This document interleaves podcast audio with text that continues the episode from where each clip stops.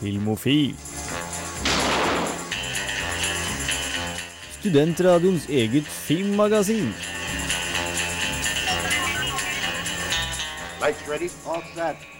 Cameras. Hjertelig, hjertelig, hjertelig velkommen skal du være til nok en deilig, deilig sending med Filmofil her på Radio Revolt. Studentradioen i Trondheim, FM 106,2 og FM 100. Mitt navn er Jens Erik Våler. Med meg i studio som alltid har jeg fra lengst bort til høyre, Camilla Klein. Hello, hello. Går det bra med deg? Jo, veldig fint. Bra, du ser eh, gira ut. Ja, jeg har det bra. Jeg er ikke like syk som resten i studio, virker som, så jeg har det bra. Nydelige greier. Uh, til Camillas venstre har vi selvfølgelig som alltid Kristine Rokkan Eriksen. Hallo, hallo. Hei sann. Du er litt sjuk? Jeg har vært litt eh, ligge og sove hele helga igjennom, så å si. Så, Ja. Men nå er jeg på bedringens vei. Jeg har vært litt eh, Eller jeg er litt uh, forkjøla sjøl. Jeg tror ikke jeg brygger på en influensa, i hvert fall. Det er enda godt. Og eh, ved min høyre, introducing uh, ett av Filmofils to nye medlemmer, Christer. Jo, Halla. hei. hei. Hvordan går det? Det går bra. Jeg har ikke lyst til å henge over med at jeg er syk. Nei, det, det, er, på det. det er litt småsnufsete, ikke syk. det er godt å høre. Eh, vi hadde et uh, siste nye medlem også, men han blei faktisk skikkelig sjuk. Han hadde noe influensagreier, så han måtte stå over denne sendinga. Dumt er det, men han kommer forhåpentligvis uh, tilbake neste uke, og det skal bli kjempegøy. Uh, I sendinga skal man som alltid gi deg uh, Skal vi som alltid gi deg det vi har av filmnyheter. Vi skal anmelde tre av ukas kinopremierer. Vi skal ha ukas filmlåt, og vi skal ha litt grann videonytt og TV-serieanbefalinger. Før den tid får du Together Pangea Snake Dog her på Filmofil, Radio Revolt.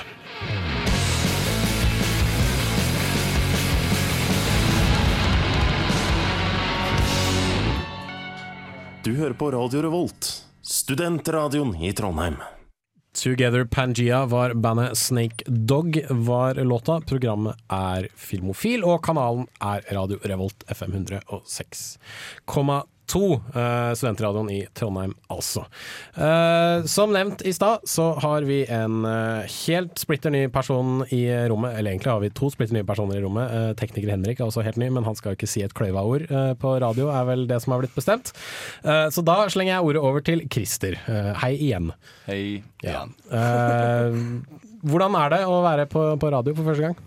Um, det er helt nytt. Ja, selvfølgelig.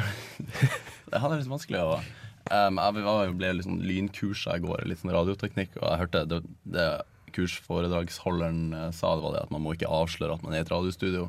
Man, må, måtte ikke snakke om radioteknikk, så jeg vil helst ikke si at jeg står i et radioprogram i det hele tatt. Jeg står og prater med noen, eh, noen eh, felles filmentusiaster her Ja. i dette studio. Det er det jeg har å si. Selvfølgelig, Du er jo her fordi du tydeligvis har vist nok filminteresse til å få være med. Eh, Ja. Men din bakgrunn er ikke film. Nei, på ingen måte. Vi får se om jeg på en måte tåler tål prøven nå, da. Ja, jeg skal jo stå her og være filmviter i lag med dere tre. Ja, for du er jo egentlig litteraturmann. Ja, jeg skal bli litteraturmann, i hvert fall. Ja, okay. Starta på mitt årsstudium med litteraturvitenskap eh, per nå. Skjønner. Eh, Men eh, åssen type filmer er det du er eh, interessert i å se på? Ting som er bra? Nei, jeg vet ikke. Jeg blir, blir litt mobba av Camilla fordi at jeg virker som han der uh, bølgefilmfyren som liker litt sånn europeiske og smale titler. Men det er, Ja, ja. på, ikke utelukkende tilfelle. Altså. Jeg tok vel eh, rett og slett og sa at eh, vi var litt, uh, litt spesielle filmvitere i forhold til at vi var ekstremt glad i Hollywood blockbusters, faktisk. Ja, det, det kan man jo kanskje si. Vi er jo det. Det er, ja. Og derfor så var det litt sånn ja, ganske funny når Christer da avslørte at han liker de litt sånn kunstneriske europeiske filmene. Og det syns jeg egentlig ganske greit, for vi hadde jo eh, Gaute sin rolle var jo Var jo det. Ja, det var så har vi fått den til å ta over den uh, tittelen. Gaute var vår tidligere Tidligere medlem her i Filmfilm. Tidligere smalfilmeksperten. Yes. Ja. Kommer jo rett fra, fra bakrommet nå med en eh, slags eh, Vi hadde en diskusjon om Disney-prinsesser, var det ikke det det gikk i? Der, der datt jeg helt ut. Helt ut. Ja, du så litt sånn der fortapt ut der du satt foran eh, laptopen din og bare liksom prøvde febrilsk å holde deg unna diskusjonen. Uh, men uh, ja, er det noen type filmer du ikke er spesielt glad i? Um, uh, mye, det er mye europeisk smalfilm jeg ikke liker. I det okay. hele tatt Så det Du både sånn- liker og misliker Ja. smal Nei, Jeg har ikke lyst til å selge meg inn som en sjangermann. Altså. Jeg, liker det beste så lenge, meste så lenge det er bra, rett og Ja, slett. det Det- høres bra ut. Så jeg har lyst til å gå inn i salen med en åpen sinn og komme ut som en sånn objektiv anmelder. Det er veldig godt. Jeg kan ikke love bare gode filmer uh, i eh, årene som kommer. Det tror jeg vi alle kan skrive under på, at vi har ikke sett bare bra greier. Men da skal jeg være ærlig, i det minste. Ja, det er jo det vi helst vil ha, da. Uh, Men uh, hvordan tror du det skal bli å begynne å anmelde, anmelde film? Tror det, jeg, jeg gleder meg veldig. Ja. Jeg gleder meg primært til bare å gå inn i kinosalen og være en av de få som får lov å være på pressevisninger og ha kinosalen for meg sjøl. Det er litt gøy. Det er litt sånn skryterett overfor kompiser som er glad i film også. Yes, det er nettopp det. Ja. Så det er primært derfor jeg har meldt meg inn i vervet. Det kan jo også ta altså, Det her må jeg innrømme i hvert fall at eh, det kan ødelegge filmopplevelsen litt. Altså, jeg kjenner etter jeg begynte å studere film og begynte i radioen og skal liksom se på film med et kritisk øye, så er det litt sånn du, du klarer ikke å ikke se de små detaljene. Altså, på godt og vondt, absolutt. Altså, du, du kan sette pris på en film i veldig mye større grad enn du, hva du kunne før. Men, eh, men det er også mye filmer som taper seg stort pga. At, uh, at de bare ikke holder mål. Litt som at du vet hvor mye E-stoffer det er i smågodteri. Ja, akkurat. akkurat. Same shit, Og, wrapping. og wrapping. venner blir ganske så irritert når du poengterer det hele tida også, så det kan det ikke Ja, er så men de, de kan bare ha det så godt, de som ikke klarer å se det Gå og heng dere sjøl! De som ikke slipper inn på pressevisningene i lag med oss fagfolk. Nei, vi, Det høres eh, bra ut. Jeg tror du kommer til å få en eh, god tid framover her i Filmofil, Kristi. Christer. Jeg òg. Eh, vi skal quize deg litt etterpå. Uh, før den tid så skal vi ha litt grann filmnyheter. Før den tid igjen, Holograms Meditations.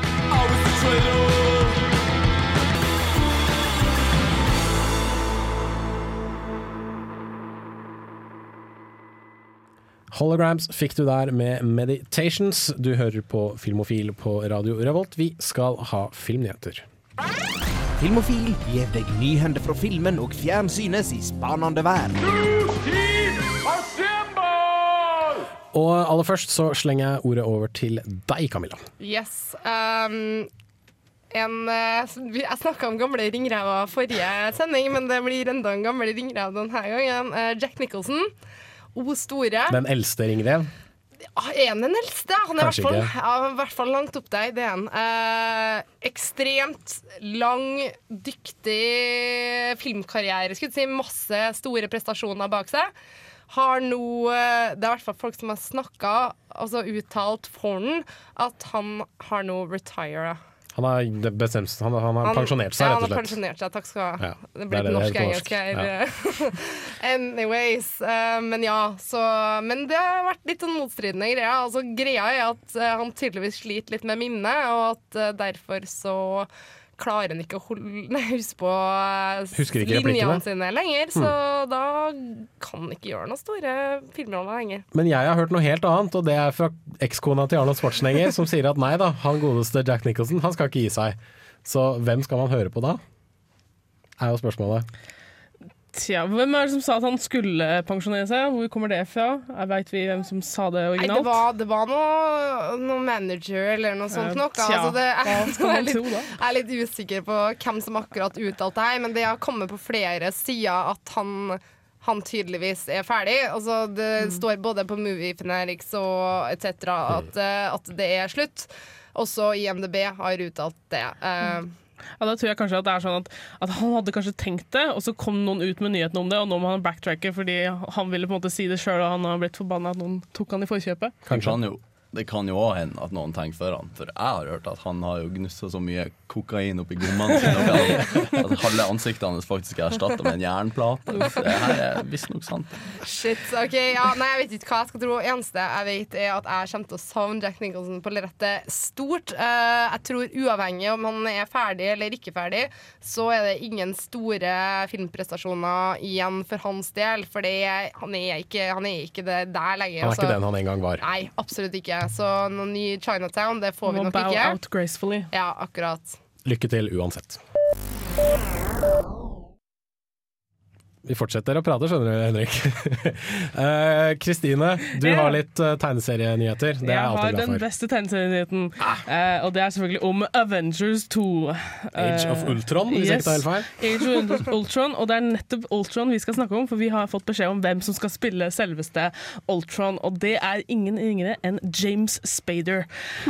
Og det gleder meg. Hmm. Det er litt Jeg veldig så- spennende valg. Ja, ikke sant? Jeg blir sånn Yes, nå kommer det noe skikkelig bra. Nå, nå får vi en ordentlig, ordentlig skurk. Og ja, jeg elsker James Better, så Han har jo spilt i mye spesielle filmer. altså uh, Sex Lies and Videotape eh, kan nevnes. Han har spilt i den der Crash-filmen til David Cronenberg. Eh, han spilte jo i den originale Stargate-filmen, hvis jeg ikke husker det feil. Så han har ja, han spiller roller. den mest geniale i, sammen, med, sammen med selveste Kirk i Boston, Boston Legal, Legal. som er Hvis ikke du har sett den serien, altså, fy flate, den må ses. Ja, det her er jo ikke europeisk nybølgefilm. Jeg har ikke sett den. Jeg vet ikke hvem det er. Har han litt sånn, du gleder deg veldig. Har han veldig sånn karikert bad guy-look. Kunne du lage et Du, du, du kan jo se han på, på PC-en her. Han er litt, litt sånn småfeil. Men, han er god skuespiller, så han, han kan den derre creepiness, uh, I'm evil and I'm gonna fuck you up mentally-opplegget. Så ja. Da er spørsmålet mitt til deg, Kristine. Kommer han til å måle seg med den andre Marvel-skurken? Kristine har nemlig, for dere ikke som vet det, en ekstrem kjærlighet for uh, Loke-karakteren. Tom Hiddleston. Ja. Eh, så hva tror- vi om det i forhold til I decline to answer the Fifth Amendment rights now. Uh, jeg tror han blir en helt annen type skurk, han, for han er en skurk på universnivå, kan du si. I forhold til Tom og eh, altså, Loke var egentlig bare en sånn irriterende bror, rett og slett, som det er familieproblemer. Ikke sant? Så det blir to helt forskjellige nivåer av skurker. Ok, Det var mer intern drama Ja, på den første Avengers også. Ja, for det var jo egentlig bare Han skulle jo egentlig bare pisse off Thor, ikke sant? og derfor han prøvde seg å ta jorda. Det, det var jo egentlig ikke for å liksom, herske på jorda. Uansett, James Bader er en flink skuespiller. Dette blir spennende å se på. Helt til slutt, eh, Christer, så har du en eh, liten eh, sak om en ganske anerkjent animasjonsregissør. Ja. Vi, eh, vi snakka jo selvfølgelig om han Hayao Miyazaki. Hvis vi har noen japanske lyttere, så vil jeg gjerne bare unnskylde uttalen. Men eh, han er jo kjent fra Studio Ghibli. Har eh, gjennom en årrekke produsert nydelige, tankevekkende, eh, rørende, dystre, glade filmer. Så absolutt. Så eh, han har meldt det her for noen dager siden at han har tenkt å pensjonere seg omsider. Tar jeg ikke helt feil, så hadde han en periode på 90-tallet der han også pensjonerte seg. Så vi får se om han mener det denne gangen. Det blir litt sånn som når, eh, når eh, Åh, Nå husker jeg selvfølgelig ikke hva han heter. Steven Soderberg han har jo sagt tre ganger at han skal pensjonere seg, og fortsette likevel å lage nye filmer. Så Og hvem vet. han leverer jo bare bedre og bedre filmer. Ikke sant. Så vi får se hvordan det blir. Men Mia Miyazaki er jo 72, så det er kanskje litt sånn på tide å, å begynne å tenke på å trekke seg litt tilbake. det kan jo hende han får en I naturlig tilfelle han utgang til slutt. begynner på en film og ikke gjør den ferdig, og så får vi noe helt sånn Ja, Vi får Ja, en Stanley Kubrick-situasjon, ja. Ja, hvor han dør før han blir ferdig. Ja. Men apropos død og ferdig og sånn, eh, han eh, har jo gjennom filmene Det har vært et sånn gjennomgangstema, det her med mennesket mot naturen. Og jeg har lyst til å nevne at han, han gir seg jo på en måte med det samme smellet som han har lagt opp til hele karrieren, med å uttale i en sånn pressekonferanse at han gleder seg til Japan blir Han gleder seg til Japan blir oversvømt, sånn at man kan eh, klare seg litt mer sånn spartansk og i kontakt med naturen. Og sånn. Så det er jo hyggelig. i hans ånd. For hans del så får vi se da om det Skjer. går i oppfyllelse eller ikke. Ja. Men eh, Det er leit at han gir seg, men det er kanskje på tide når du er over 70. Det var eh, første runde med filmnyheter. Vi skal ha litt grann mer etter at vi har hørt en låt til. Her får du eh, Lightning Bolt med låta 'Barbarian Boy' her på Filmofil.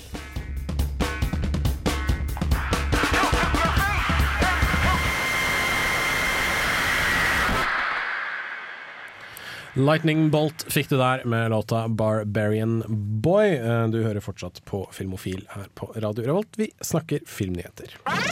Filmofil gir deg nyhender fra filmen og fjernsynets i spanende verden. Og i eh, første omgang så gir jeg ordet over til eh, deg, Kristine, som skal snakke om noe Skal dette bli den nye snakkisen vår? Tror jeg vi kom fram til. Absolutt. Det her, Fordi før så har vi snakket veldig mye om uh, noe vi alle elsker, uh, som er Twilight, selvfølgelig. Elsker å hate. Ja, ja. så nå har vi kommet frem til at uh, vi må jo fortsette denne tradisjonen med å snakke om Fifty Shades of Grey så mye som mulig. Og da har vi selvfølgelig da, Når det skjer noe i Fifty Shades of Grey-universet, må vi snakke om det. Og det har det gjort, for vi har fått eh, beskjed om hvem som skal spille selveste uh, Christian Grey, som er da hovedpersonen. Eh, har vel det har ikke sagt hvem det er ennå, må vente. Jeg vet jeg vet. Jeg bare bygger opp Ok, forventningene. og det blir ja, drumroll, please. Charlie Hunnam? Hovedpersonen fra uh, Pacific Rim, med andre ord. Yes. Og også Sons of Anarchy, for Sons dem som har sett det. Så um, det er ganske mange som er glade for det her. Og Det er nok en del som ikke er så, spesielt glad for det. som ikke er, så, ikke er så glad for det. Fordi han er selvfølgelig blond, og vi vet alle at det er hårfargen som teller når man skal velge helten Ja, Man skal jo være uh, Ja. mørk, ikke blond, tydeligvis. Det, var, det er litt det samme som da Daniel Craig ble Ja, Bond. nøyaktig det samme. uh, men La oss ja, ikke gå der igjen. ja, jeg, jeg mener å ha lest noe på nettet om masse fans som nå irriterer seg litt over ja, akkurat han. da Ja, fordi han, øh, han passer jo ikke til å være denne liksom, ikon- sexsymbolet deres. Da. Ja. Så det blir jo helt krise at han ikke hårfarge er liksom bedre Ja. enn tilstedeværelse og skuespillertalent og alt mulig sånne ting. Det er helt logisk. Ja, men Ville ikke noen alltid ha blitt pissed? Ikke for å være litteraturviteren blant oss, men det er litt Jeg sånn tror han, Det fins valg som ville vært mindre kontroversielle, Men- absolutt. Det er jo litt sånn at når man har lest boka, så ser man det veldig først. Det her er jo snakk om din indre seksuelle, Jo, men virkelig dypeste drøm. hårfargen er noe helt klart er beskrevet i boka, ikke sant? Bare farg håret hans. Ja, nettopp! Nettopp Farg håret hans! Gi, altså, herregud, gå på et jævla Walmart, kjøp en sånn der svart hårfarge og bare her, fiks det! Ta et bilde, send det til Fifty Shades of Grey-fans og be dem holde kjeft. Jeg tror også han er litt, sånn, han er litt for røff i kantene, for Christian Grey skal liksom være den der, liksom epitome av sophistication og rik, og være helt perfekt. Med, med tanke på hva han gjør mot denne kvinnen i Fifty Shades-filmen, så tviler jeg på ham at han er en sånn så sofistikert og etc. etc. som eh, men det er jo det de liker jo tro. Er ikke Ja, det sant. litt nærmere den forrige rollen han hadde, der han knuste monster? Ja, han går fra å banke opp monstre til, å, til å rise en, en yngre jente. Like mye gris. Men uh, ja, det blir veldig mye mindre action i Fifty Shades of Grey. Fordi, eh, for de som har vært borti boka bare litt, så vet de at det skjer absolutt ingenting i disse bøkene. Uh, vi kom inn på det der med at hva du gjør med damer, uh, reflekterer om hvor sofistikert du er. Da vil jeg gjerne ta, også, ta en lite eksempel her. American Psycho. Please, kom igjen, folkens. Veldig mange som har sammenligna Christian Grey med nettopp Ja, en god eh, sammenligning Patrick der. Bateman. Ja. Men eh, herregud, han er en god skuespiller. Dette kan jo kanskje bli spennende. Jeg må nok se filmen uansett, tenker jeg. Fordi Vi skal jo snakke om den. nettopp. Dirty dirt. Fra Fifty Shades of Grey til uh, Guardians of the Galaxy. En uh, kjapp nyhet som kom ut uh, for et par dager siden, var at ingen ringere enn Bradley Cooper skal være stemmen til denne gunslingende vaskebjørnen Rocket Raccoon i Guardians of the Galaxy-filmen. Valget er litt sånn litt overrasket over. Jeg hadde litt sånn håpet på at i og med at han skal være datagenerert, at de ville gitt det til en fyr som faktisk er ordentlig i stemmeskuespiller. Men Bradley Cooper er jo veldig sjarmerende, så forhåpentligvis kan han gi en del sjarm til uh, denne uh, vaskebjørnen med uh, pistoler og litt sånn gruffy personlighet. Vi får se. Angående Guardians of the Galaxy så kan det også nevnes at Chris Pratt, som spiller hovedrollen, har sagt at dette er den beste filmen av det 21. århundre. Og det vil være, det vil være, den, det vil være Citizen Kane-filmen av alle filmer som ikke er Citizen Kane. Så nå gleder jeg nå gleder jeg meg enda mer. Det var det vi hadde av eh, filmnyheter for denne sendinga. Eh, litt seinere skal vi inn på ukas kinopremierer, annet eh, Riddick, Before Sunset Nei, Before Midnight. Unnskyld. Og De tøffeste gutta, ny norsk film. Vi skal også quize Christer litt grann i filmting. Før den tid, her får du Death by Onga Bonga Stare at the Sun her på Filmofil på Radio Revolt.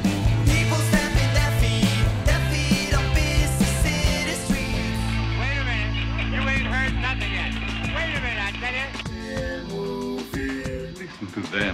Listen to them.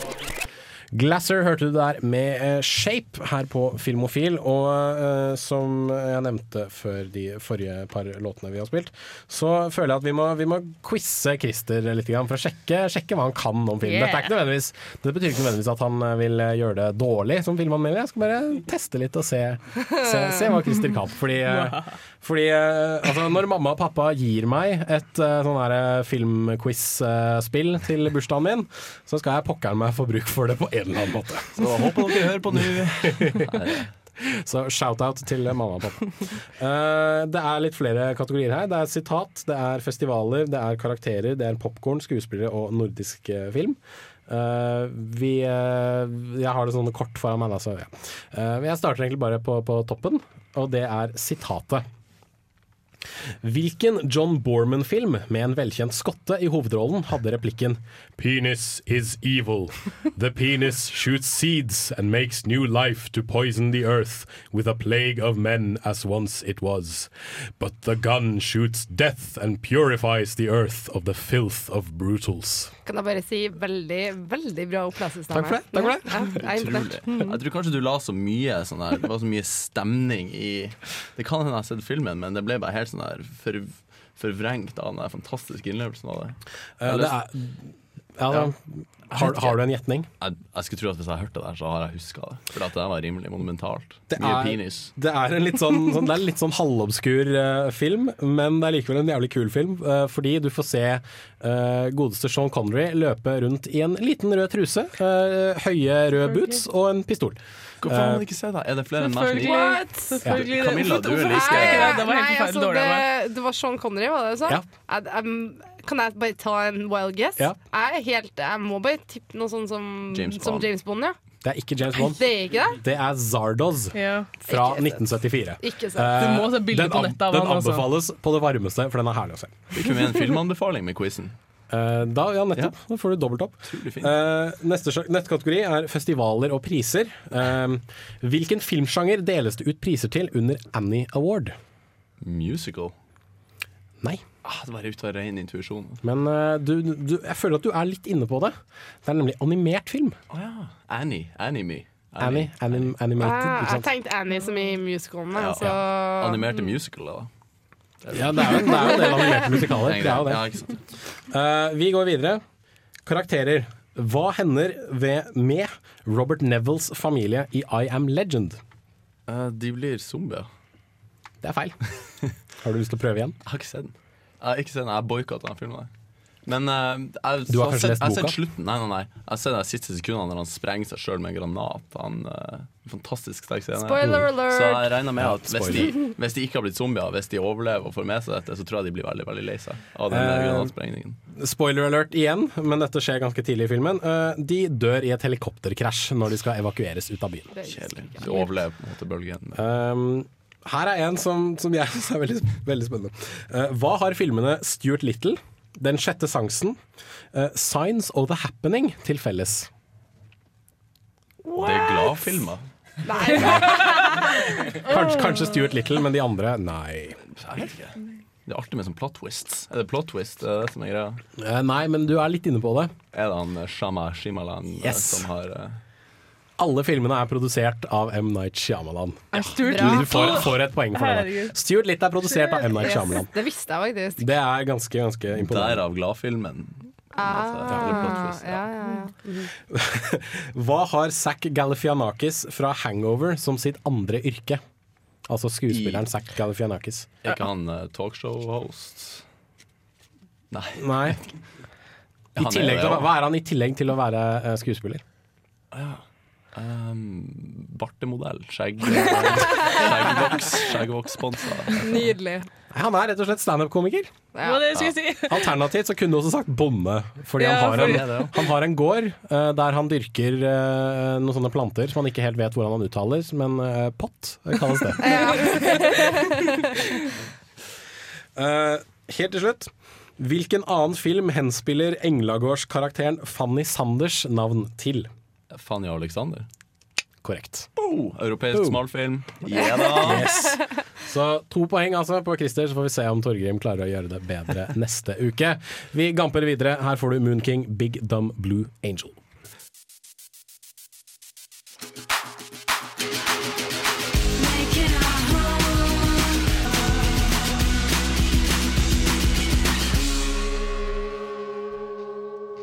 Moon King fikk du der, Big Dumb Blue Angel her på Filmofil. Vi eh, tar for oss ukas kinopremierer. Først ut er eh, science fiction action-filmen Riddick, om eh, den eh, litt sånn halvgærne morderen Richard B. Riddick. Den har jeg tatt en kikk på. Her får du min anmeldelse.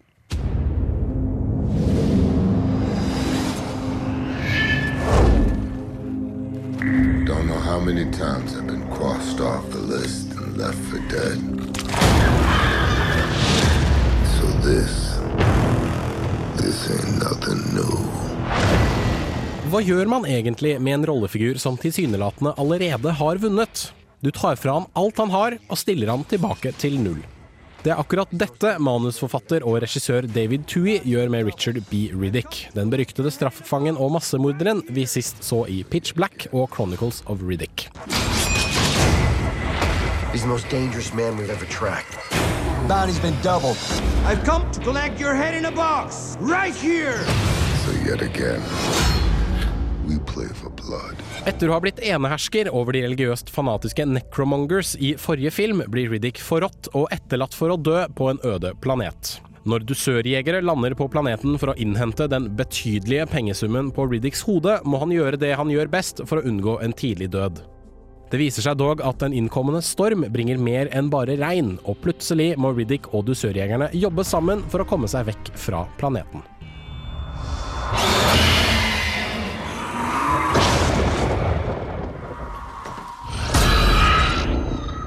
What is happening?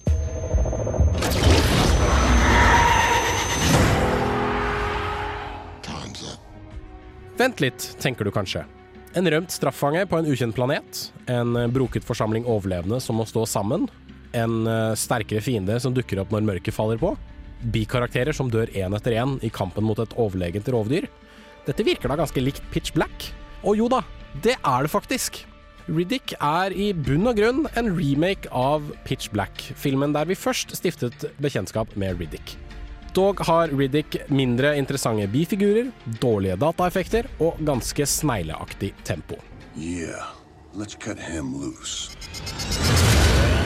Det tar omtrent en time av totalt to før filmen kommer skikkelig i gang, og selv om Vin Diesels Riddick er en interessant figur, blir det litt kjedelig i lengden å se han vandre rundt i et landskap som minner om den norske fjellheimen sett gjennom et gult filter.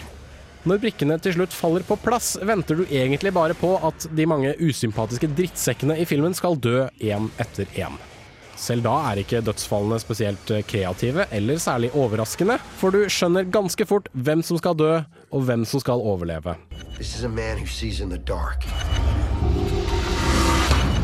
So watch out for surprise attacks. What is it?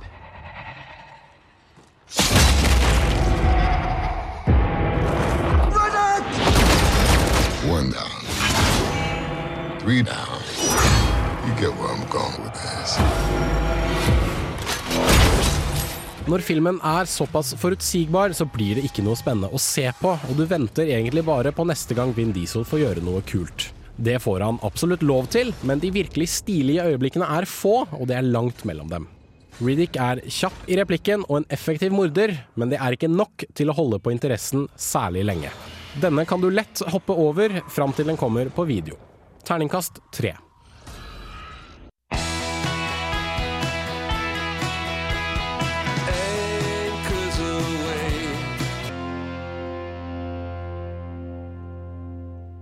Sweet Apple featuring M. Lanagan fikk du der 'Wish You Could Stay A Little Longer'. Og det skal jo vi i Filmofil i sånn ca. en eh, time til. Før det så anmeldte jeg den nyeste Riddick-filmen som heter bare Riddick. Den fikk en uh, terningkast eh, tre, som uh, altså ja, av litt uh, kjipt tempo og litt sånn kjipe spesialeffekter. Og egentlig fordi det bare er pitch black på nytt igjen. Det, Ja. jeg, skulle, jeg skulle gjerne sett at det var litt mer originalt, da. Men er det verdt å se hvis du er superfan, liksom? Ja, hvis, du, altså, hvis du er sånn Du må ha mer Vin Diesel, og du klarer ikke å vente til neste Fast and Furious-film, så, så kan du absolutt eh, dra og se den. Uh, det er verdt å nevne at han har uh, stått bak veldig mye av finansieringen sjøl. på grunn av, altså, takket være Fast and Furious-filmene, så har han fått nok penger til å liksom, sprøyte nytt liv inn i den der Riddick-franchisen. Um, så jeg tror det er, det er ment som en sånn halvveis reboot. Uh, starte på nytt igjen av uh, ting som gikk til helvete tidligere. Men uh, Så da prøver de samtidig å bygge videre på det som har skjedd, og putte han tilbake til null igjen. Da. Men eh, liksom, fordi han har jo lagt inn egne penger, da, føler du at han har det gøy i denne rollen? Liksom? Er det fordi han elsker karakteren? Kommer det Det virker jo litt sånn. Han virker jo ikke tvunget til dette her, da. Nei, så Eh, det er kanskje positive ting med filmen? At han ja, har det gøy? Det er det jo. Og det er litt sånn kult å se Riddick gå tilbake til den uh, iskalde uh, jævelen som likevel har et flir om munnen når han slenger ut en eller annen one-liner i din retning. Altså, det er en scene hvor han møter sjefen for disse leiesoldatene og sier det at ja, nå har jeg tatt livet av tre av dem. Eh, jeg kommer til å ta livet av flere, med mindre dere jobber sammen med meg og, og gjør det jeg vil. For han skjønner jo at hvis han ikke slår imot dem, så vil jo de prøve å ta han. Eh, når de til og med sier at ja, jeg, jeg er her for å stappe huet ditt i en kasse, og så skal jeg ta det med hjem fordi du søren er dobbelt hvis du er død enn om du er levende. For han er så jævla, han er jo så jævla farlig. Uh, og det er jo også noen kule scener der han gjør noen litt sånn kreative drap, da, hvor han dreper en fyr med bare foten sin og en machete. Uh, jeg skal liksom ikke si hvordan det fungerer, men det ser jævlig kult ut, da. Men uh, ja, så er det jo det at disse leiesoldatene er, eller leiemorderne er utrolig kjipe folk. Det er to stykker som er ålreite, resten er ganske flate, kjedelige mennesker som du kan kjenne igjen ganske fort at å ja, du, altså, du skal dø, du skal dø, du skal dø, du skal dø. Og så bygger du liksom opp til at ja, nå kommer den personen som står på det punktet der, han kommer til å dø, eller så kommer han til å ta to skritt, og så kommer det et eller annet og, og klapper sammen på han og tar livet av han. Eh, så det, det blir liksom litt for forutsigbart for meg, da. Uh, dessverre. Selv om det er kult å se Vin Diesel i rollen som på en måte skapte Vin Diesel. Da. Mm. Det er nå bare min mening som Det er utrolig kjipt å høre, for jeg var så keen på den filmen her, men Nei, du får vente til den kommer på video, da. Eller eventuelt hvis du må se den, så er det jo Men er du villig til å betale 120 kroner? Det er det som er spørsmålet. Nei, jeg tror ikke det. Nei, nettopp. Men eh, vi ruller videre. Vi skal høre Camilla snakke om Before Midnight etter at vi har hørt The Dream High Art. I'm, I'm, I'm tired of talking about it. Let's do it. Girl, she The Dream fikk du der. Fått med seg Jay-Z på låta High Art. Uh, og apropos high art eller høy kunst. uh, Camilla, Before Midnight. Yes. Richard Linklater, Yes. uh, regissør av Waking Life, Scanner Darkly, School of Rock, Mm. av alle ting. Det syns jeg er ganske fantastisk. Mm. Ja, det er artig. Eh, og manusforfatter på filmen også. Uh, så vidt jeg har skjønt, så er det en oppfølger til to andre filmer. Det er den tredje filmen i serien om uh, Celine og Jesse. Um, to karakterer som var i 20-årene da vi først møtte dem, i 94. Eh, Before Sunset? Before Sunrise. Sunrise mm. Og så hadde vi nummer to, som heter Before Sunset, som kom i 2004. Og så nå her her i 2013. Hmm. Så dette er en sånn film altså, Har dette vært planlagt, eller har det vokst litt sånn organisk? eh, Det har vokst veldig organisk. Det var rett og slett eh, en idé som kom eh, Altså, den første filmen, var, da hadde de et manus og, og syntes at det var veldig bra, og, og det er Ethan Hawke og Julie Delpy som spiller Ja. hovedrollene. Gode skuespillere. Gode skuespillere, og de klarte å lage en sånn dynamikk da, og liksom få fram et budskap. Og så hadde de mer å si ti år senere, så de lagde en oppfølger Mm. fordi de hadde mer å si. Ikke fordi at det var en Det franchise og og der. Mm. Rett og slett. Altså, Linklater har vært ekstremt sånn Han er en ydmyk mann, og han, han tar veldig lite sånn kreditt for at det er, en, det er en bra triologi og alt sånt der. Det er liksom bare mennesker med et budskap, og dem, det er det som er ideen, da.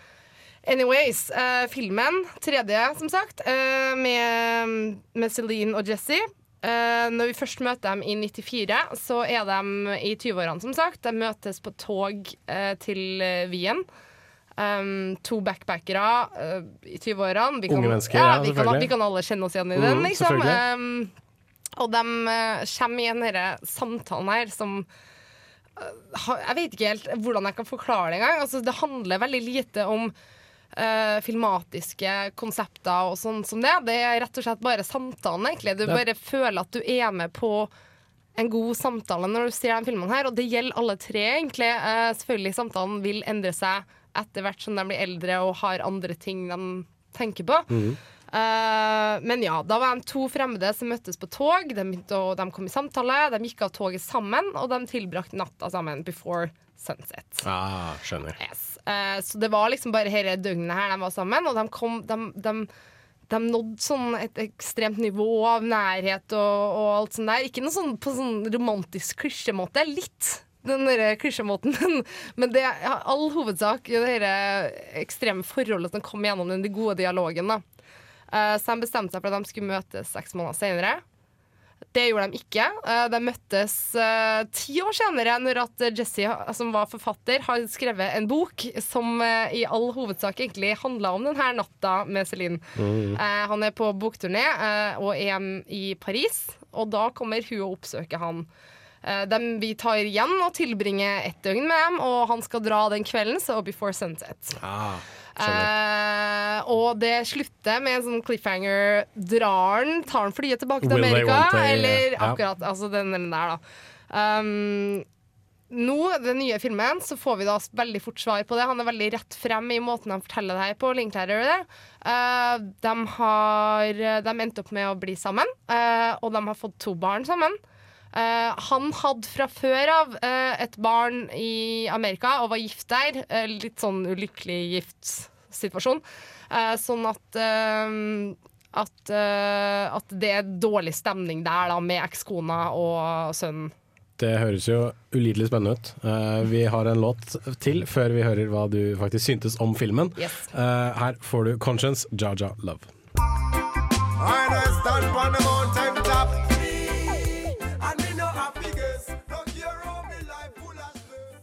Conscience hørte du der, Jaja Love. Programmet du hører på er Filmofil på Radio Revolt. Uh, Camilla, du fortalte oss i stad om uh, alt som fører opp til denne Before Midnight-filmen Yes. av Richard Linklater.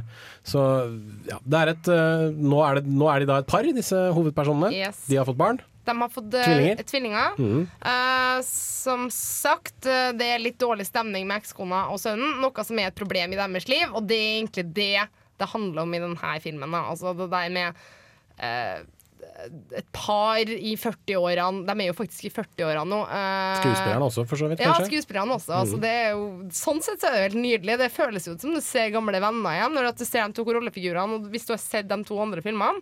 Um, men ja, sånn at eh, det at han vil tilbringe mer tid med sønnen sin fra det første ekteskapet, det er et problem fordi at eh, kona, eller ekskona, hater han og vil han bare vondt og prøver å holde sønnen vekk fra han. Og, ja, det er en sånn ting som fører til en del krangling og sånn i det nye husholdet. Uh, og det er egentlig det den handler om, den filmen her. Da. Altså, de er nå Husk at det her første filmen, da går de rundt i Wien og snakker. Nummer to uh, går rundt i Paris og snakker. Og her så går de rundt på en liten gresk øy og snakker. Du må også være veldig glad i filmdialog Ja. for at dette her skal fungere. Det er bare én lang dialog, egentlig. Så er det veldig i tiden. Jeg vet ikke om det var liksom økonomikrekk i Paris for ti år siden, men. Eh, nei, jeg tror ikke de tok for seg sånne type ting. Men de tar for seg ting Altså de tar for seg ting som er Sånn som for eksempel i denne filmen, så er liksom det der med de nye spillene som du kan uh, feste fast eh, dikken din, og så kan du pule på, på dataspill. Sånne type ting tar de for seg. samtidig, Ja, ja. ja, faktisk. Så det er et av de tingene Men ikke på en sånn, sånn sykt lei måte som jeg forklarte nå, men på en faktisk På en faktisk eh, en, en, en, en en, en, en er mer sofistikert. en konstruktiv måte og en konstruktiv eh, dialog. Um, så de tar for seg ting som er aktuelt for tida, og liksom samtidsproblemer og den slags. Uh, som sagt, i denne filmen så er de i 40-årene. De har andre problemer. Virkelige problemer enn de hadde i de to andre filmene, som er mer sånn eksistensiell og mer sånn om livet generelt. Her er det deres forhold og familiesituasjon, og at de begge to har et ekstremt behov for å fullføre drømmene sine, og sånn som det uten å tråkke på den andre enn og alt sånt der. Sånn at de krangler mye mer i denne filmen enn hva de gjør i de to andre. Der er det mer diskusjon. Um, den kranglinga her eh, er sikkert eh, Altså, det er veldig troverdig, og det er veldig sånn veldig riktig alt sammen, men for min del så har ikke jeg så stor interesse av en 40-åring sitt problem som jeg hadde av disse eksistensielle samtalene som de hadde i 20-årene. Så eh, Så det er kanskje en film for de som på 90-tallet så den første filmen, og nå kanskje da er i litt sånn 40-årskrise? Ja, altså, det kan absolutt. Altså, det, men uav, uavhengig av det, så er det en, en god, god film å se, fordi at den tar for seg virkelige problemer og den slags. Uh, men det er Jeg syns altså det hvis, For dem som har sett This Is 40, så er det This Is 40 møter Before-filmene. De gamle Before-filmene. Skjønner. Men kan jeg spørre, altså, for Når jeg ser på plakater, og sånne ting, så ser de alltid veldig romantiske ut, disse filmene. Men de er altså ikke det Jo, de er jo romantiske, men Ja. de tar jo og knekter på et plan som er mye mer Ja, på en måte troverdig enn herre. Altså, for de, de er veldig på det der med at de de liker tanken om romantisk forhold og alt sånt der, og de er jo veldig der, men det viktigste er å liksom knekte intellektuelt og, og fremdeles være sin egen person og klare å oppfylle sine egne drømmer. Du skal få lov til å eh, trille en eh, terning før vi går videre, Camilla. Yes. Uh, jeg gikk mye frem og tilbake. Jeg syns de gamle filmene var litt bedre, Uh, i motsetning til kanskje noen av de andre som er ute her. Så det ble en svak femmer. Ja, Men, men, men fremdeles en femmer, så det er en bra film. Så gå og se den, absolutt. En anbefaling der altså, 'Before Midnight' av Richard Linklater. Vi gamper videre. Driver Friendly Messi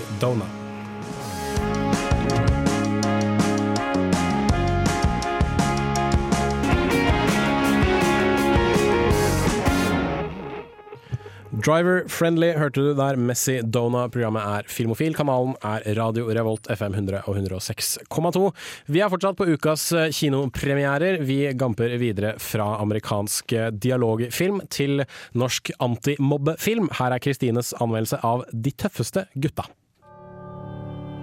Hei, jeg heter Modulf. De tøffeste gutta har mye å takke meg for. Uten meg ville det jo ikke vært de tøffeste. I filmen De tøffeste gutta er det Modulf som er helten. Eller det er det han tror, i hvert fall. Modulf er ikke en helt vanlig gutt. Han beskytter nemlig alle de andre barna fra de største bøllene på skolen, Jørgen og Frank. Dette gjør han ganske enkelt ved å passe på at deres oppmerksomhet alltid er rettet mot han, gjennom å kaste ball på de, ha på seg veldig mobbeverdige klær og generelt gjøre det veldig lett å gjøre narr av ham. Modulf mener dette gjør han til en slags superhelt. Han beskytter jo de som er svakere, selv om han aldri tar igjen på mobberne. Men så flytter Lise inn ved siden av, og hun er langt fra enig at Modulf kan sammenlignes med en superhelt. Det er bedre at jeg blir plaga enn andre, for jeg takler det. Jeg er nemlig en slags superhelt.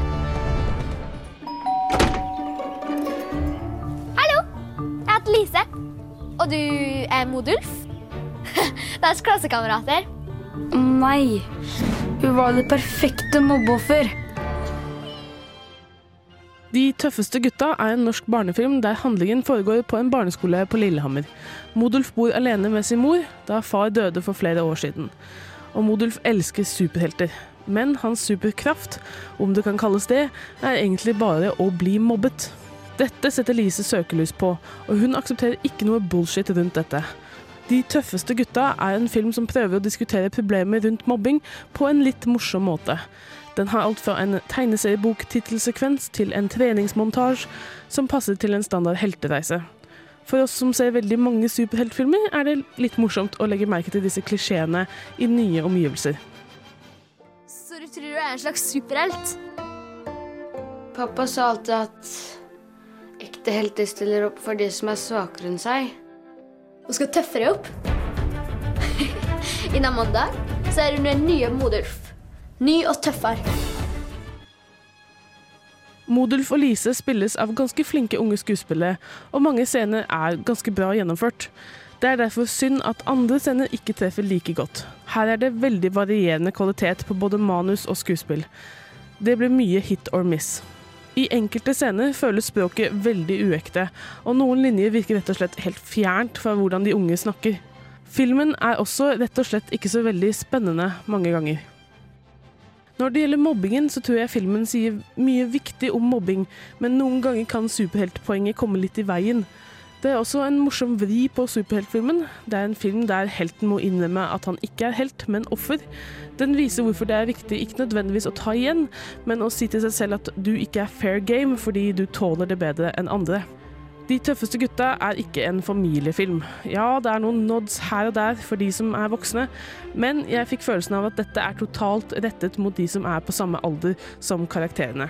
For mobbing er ikke noe som blir delt med de voksne, og det illustrerer filmen helt korrekt. Terningkast tre.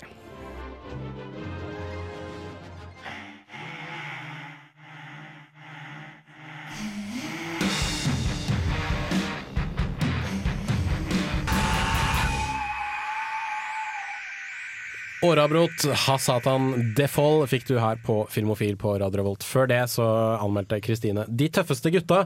En eh, ja, mobbefilm møter superhelter-film. Ja, et forsøk på det i hvert fall. For det er, et mobbeoffer som mener han er superhelt. Ja.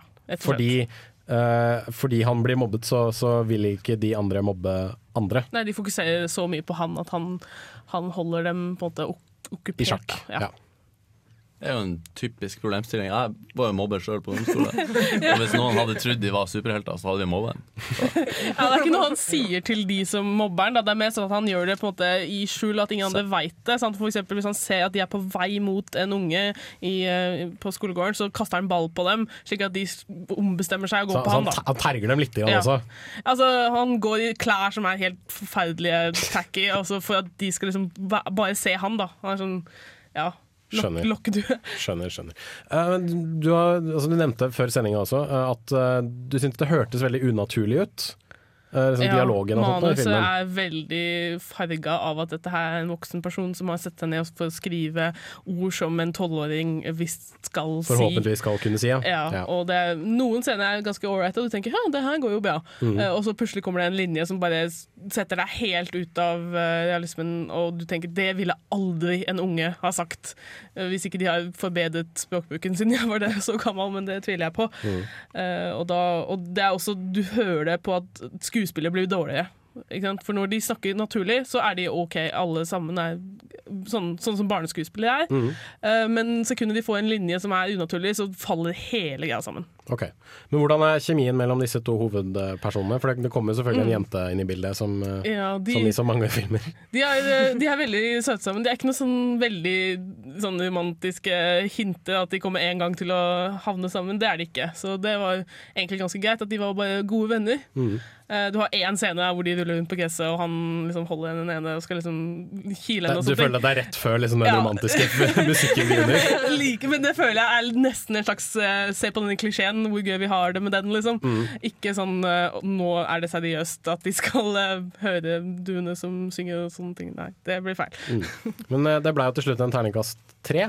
Ja. Ja. Uh, kvaliteten er rett og slett uh, ikke god nok til å Altså, Den prøver jo veldig godt å si dette her viktige budskapet om mobbing, og, og den har jo noen morsomme øyeblikk eh, med måten, sånn montasjen når de skal trene for han skal bli tøff. Det er veldig gøy. Men den har rett og slett for dårlig, for dårlig utførelse av manus og, og skuespill og Det sånt. det er litt sånn som det alltid er når voksne prøver å lage noe på barns premisser og kanskje ikke helt klarer det. Ja, absolutt. Det, Mm. det er nok der det ligger, hele problemet. Men uh, vil, hvis du skulle anbefale den til noen, ville altså, hvem ville du anbefalt den til? Uh, altså, jeg skulle gjerne likt å hørt eh, hva, hva 12-13-åringer syns om den, for jeg tror kanskje at de burde, burde se den for å ha mer å snakke om, for å få dem til å snakke om mobbing, rett og slett. Mm. Mm. jeg så nå på nyhetene faktisk om da hadde de fulgt Det var en skoleklasse som skulle se den filmen her, eh, som var rundt den alderen. Og da var det selvfølgelig ja, det her er en kjempebra film, og det hele det der. Altså, det var liksom veldig farga, hvordan bilde de ville gi. Men da tok de jo intervjua en del av alle tolvåringene, og da var det Ja, nei, nå, eh, nå vet jeg hva jeg skal gjøre med mobbere. Og, og veldig det er der, da, at de har lært noe om seg sjøl, og hvordan de skulle gå frem. Da. Så Det det, var veldig. Ja. veldig positiv respons fra disse kidsa i salen her, i hvert fall. Gladsak. Mm. Det tviler jeg på er en, en metode å få dem til å altså, det gir ikke noe bra tips i den filmen her, altså. Det virker som det er sånn litt godt mottatt, i hvert fall. Men uh, publikumstallene vil jo vise det publikumstallene alltid viser. Uh, vi skal videre til ukas filmlåt etter Crystal Stilts Future Folklore.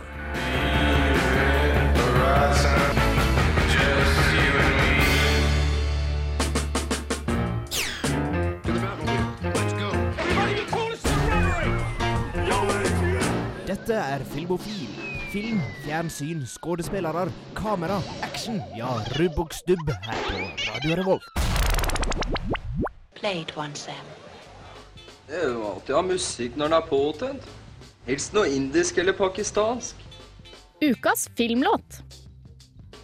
Det stemmer. Vi skal ha ukas filmlåt her på Filmofil. Du hørte i stad Red Fang Blood Like Cream. Eh, Det er jeg som har valgt ut ukas eh, filmlåt. Egentlig skulle det være influensa-Torgrim, men eh, siden han ble sjuk, så så jeg mitt snitt til å gripe sjansen og slenge inn en eh, filmlåt som jeg syns er kul. Denne låta er noe jeg har hatt lyst til å ha eh, i Filmofil en god stund, fordi hver gang jeg kommer på denne her, så tenker jeg at ja, det, det er en bra filmlåt!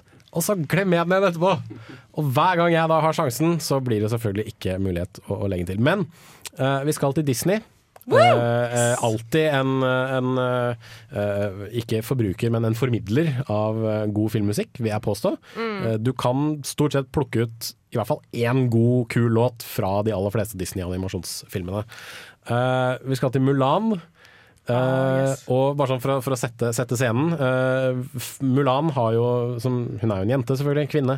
Uh, hun har valgt å dra, forkle seg som en mann, dra til den kinesiske hær for å dekke over for sin syke gamle far. Fordi hun vil jo ikke at far skal bli sendt til krigen og potensielt bli drept i kamp mot disse hunerne som kommer fra, fra over den kinesiske mur. Og eh, så står jo hun der da med alle disse andre rekruttene til eh, denne kinesiske hæren, og de skal jo selvfølgelig piskes litt i form av eh, general Sheng. Tror jeg han heter. Shang. Shang. Shang. Eh, de skal piskes i form av general Shang, og hvordan gjøres det i en film? Det gjøres ved en montasje. Yes! Det gjøres selvfølgelig ved en montasje. Så i løpet av en eh, tre og et halvt minutters eh, låt, og da selvfølgelig en god del kjappe klipp, så ser vi Mulan gå fra eh, svak og pinglete rekrutt til å bli en ganske dugende eh, soldat. Og det, det som alltid overrasker meg, er hvem som synger denne låta. Det er Donny Osmond. Oi, shit! ja. Det var jeg ikke klar over. Han som, en, han, som, han som en gang var barnestjerne i The Osmonds, og da Donnie og Marie og alle de greiene der.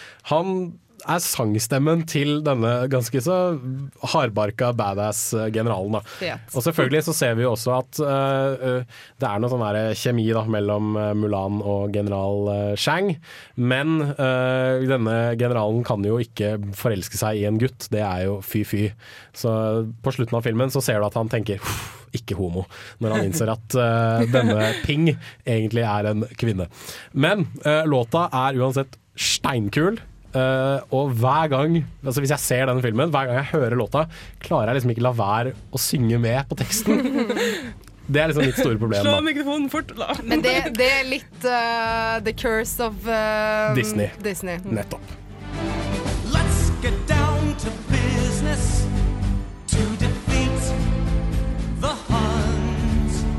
Mysterious as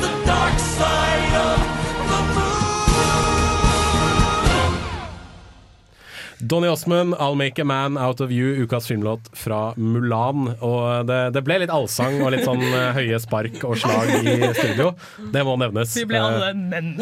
Ja, altså, det, det er det koret, ikke sant? We are men. Er, Yes! Ah, ikke sant? Og så et par scener etterpå så får du vite at en liten sånn jenteunge har blitt voldtatt av en svær hunerjævel. Da setter litt sånn Det setter litt sånn kjip stemning.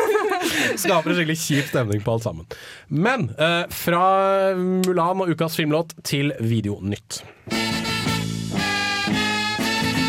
Nytt i videohylla. Rykende ferske digitalfilmer som du kan ha i din heim. Det stemmer. Uh, Videonytt er uh, den uh, delen av sendingen der vi kikker litt på eh, filmer som kommer ut på eh, Blu-ray og DVD denne uka. Dessverre er det ikke så fryktelig mye å, å skulle skryte av, altså. Det var utrolig lite. Det er, altså, det er litt passende at, uh, at Camilla nevnte This Is 40 uh, tidligere i sendinga, for den har pokkeren meg uh, Blu-ray og DVD-premiere denne uka. Mm. Den kommer ut, i hvert fall. Eh, og kalles en slags oppfølger til Knocked Up, i hvert fall på coveret. Ja, eh, har dere Jeg har noen her ikke sett den. Nei? Ingen? Har du? Nei.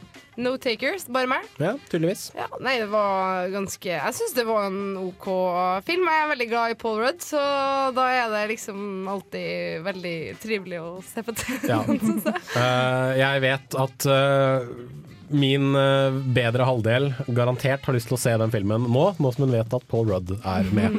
Eh, hun, av en eller annen merkelig grunn har hun en ganske stor fascinasjon for han og dette håret hans. det er mange som har. Hvorfor det? Fordi hva er greia med Paul Rudd. Rudd? Han er Paul Rudd. Han er Ja, herlig. For, for, all. Du veit hva jeg mener. I know what you mean, girl. I know what you mean. for all del. For all del. Um, Uh, ja, Terence Malick-filmen 'To The Wonder' er ute på Blu-ray og DVD denne uka. Uh, det var uh, den siste filmen Roger Ebert anmeldte før han døde. Hvilken terningkast eh, Eller hvilken eh, stjerne ga han? Eh, Det er ikke det jeg husker. Det husker jeg ikke, men jeg tror han, jeg tror han var ganske positiv til den. Så for all del. Hvis du er glad i Terence Malick, og det er det veldig mange som er, og det er veldig mange som ikke er det også, så er det absolutt verdt å, å skaffe seg. Ellers så tror jeg ikke det er så fryktelig mye å nevne, altså. Uh, Oppfølgeren til Lincoln, 'Killing Lincoln'.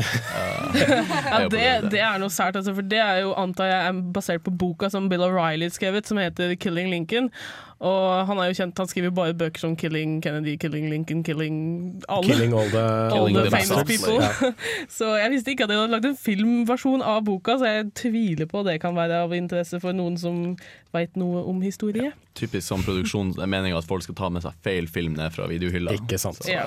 uh, men uh, en film som bør nevnes, er den norske filmen 'Før snøen faller', uh, som har blitt ganske så Som ble ganske godt mottatt da den hadde kinopremiere for sånn ca. et halvt år siden.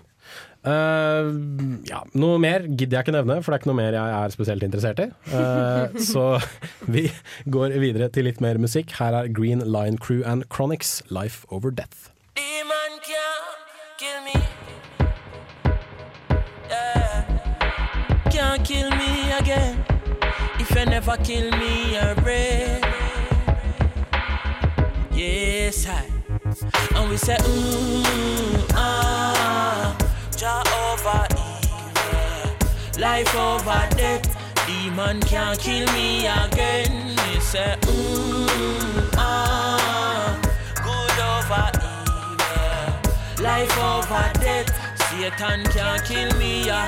Here comes the hot stepper. Fire burning hotter than paper.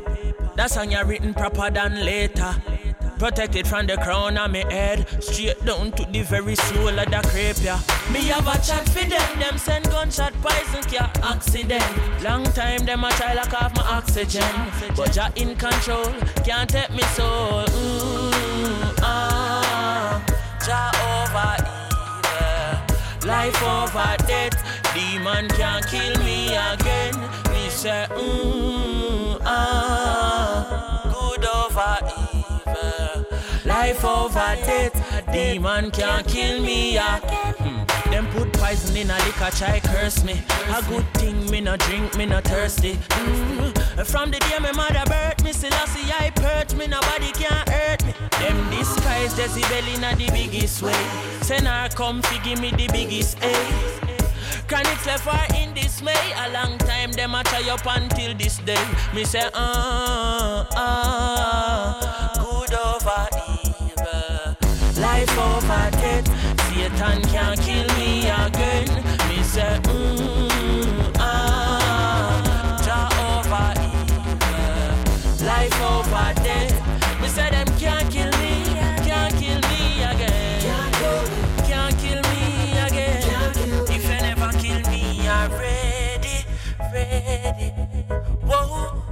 Alright, them did want me for your me bet me dead. But unfortunately, them never know said I want me set the trend. If you come step on snake and forty leg.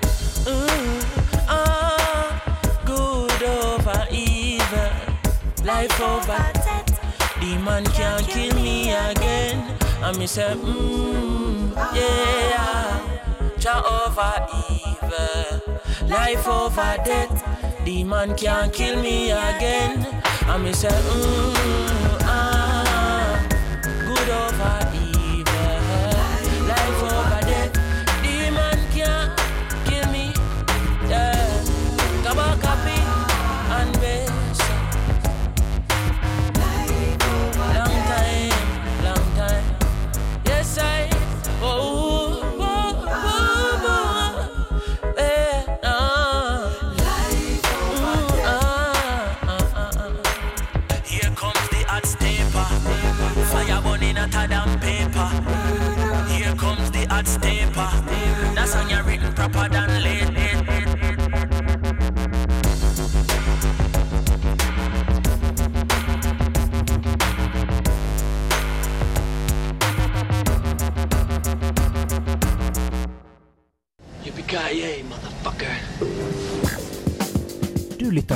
Filmofil på Radio Revolt. Besøk oss gjerne på våre nettsider på radiorevolt.no filmofil. Der finner du meldinger av kino- og videopremierer, og i tillegg podkast av alle våre sendinger. Har du ris eller ros, tips eller triks, kontakt oss gjerne på elektronisk post. Filmofil, krusedullalfa, radiorevolt.no. Vi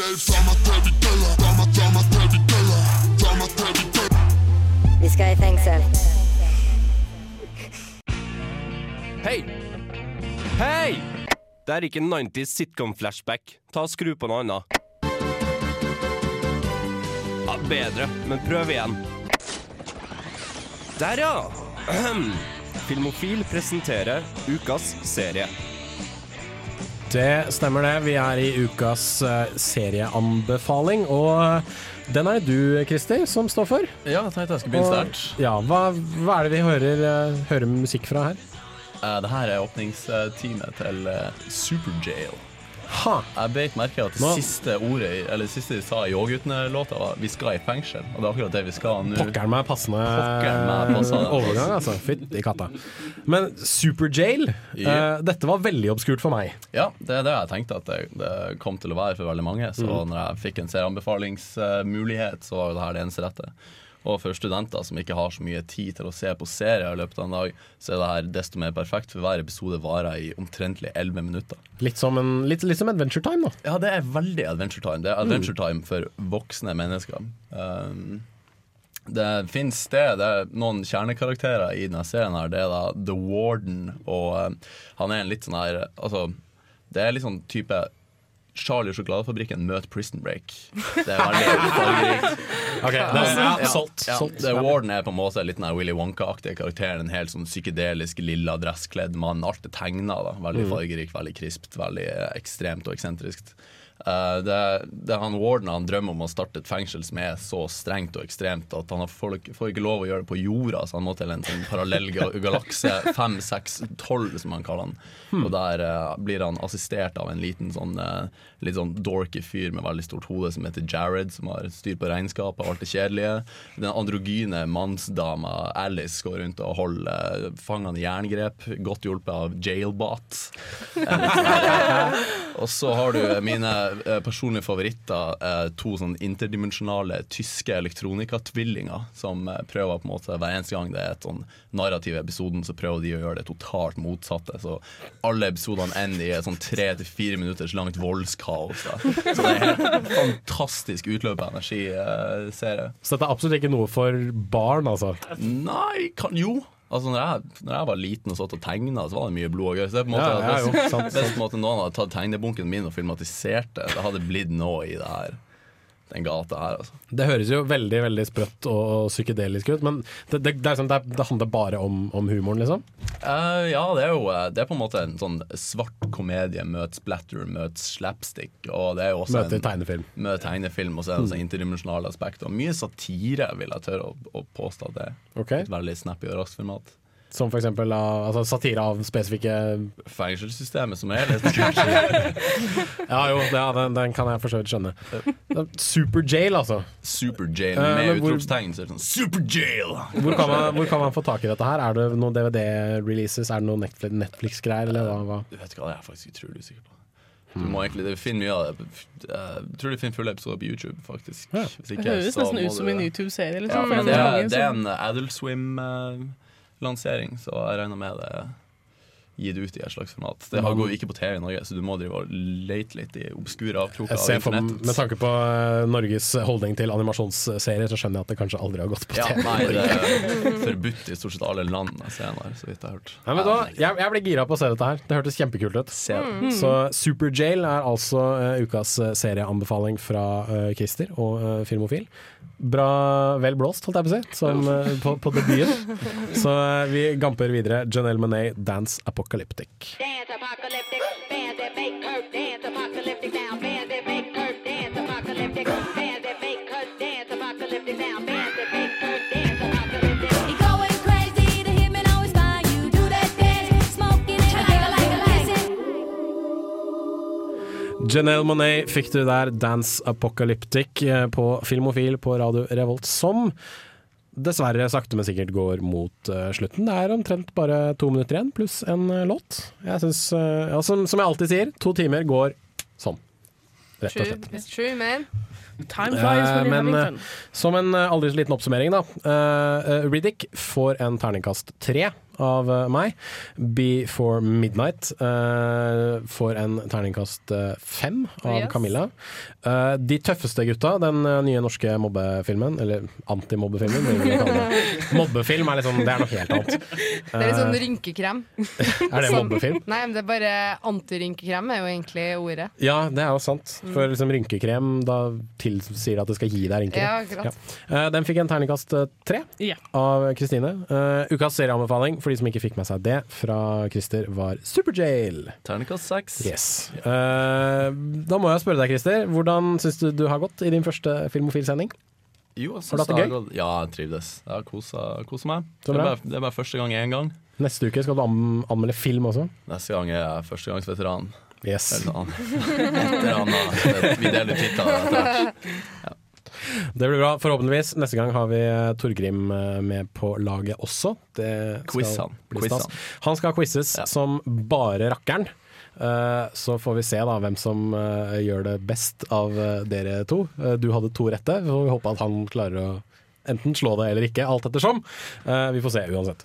Uh, Lik Filmofil på Facebook, facebook.com slash filmofil. Vi skal bli flinkere til å legge ut ting eh, der og skrive ting der.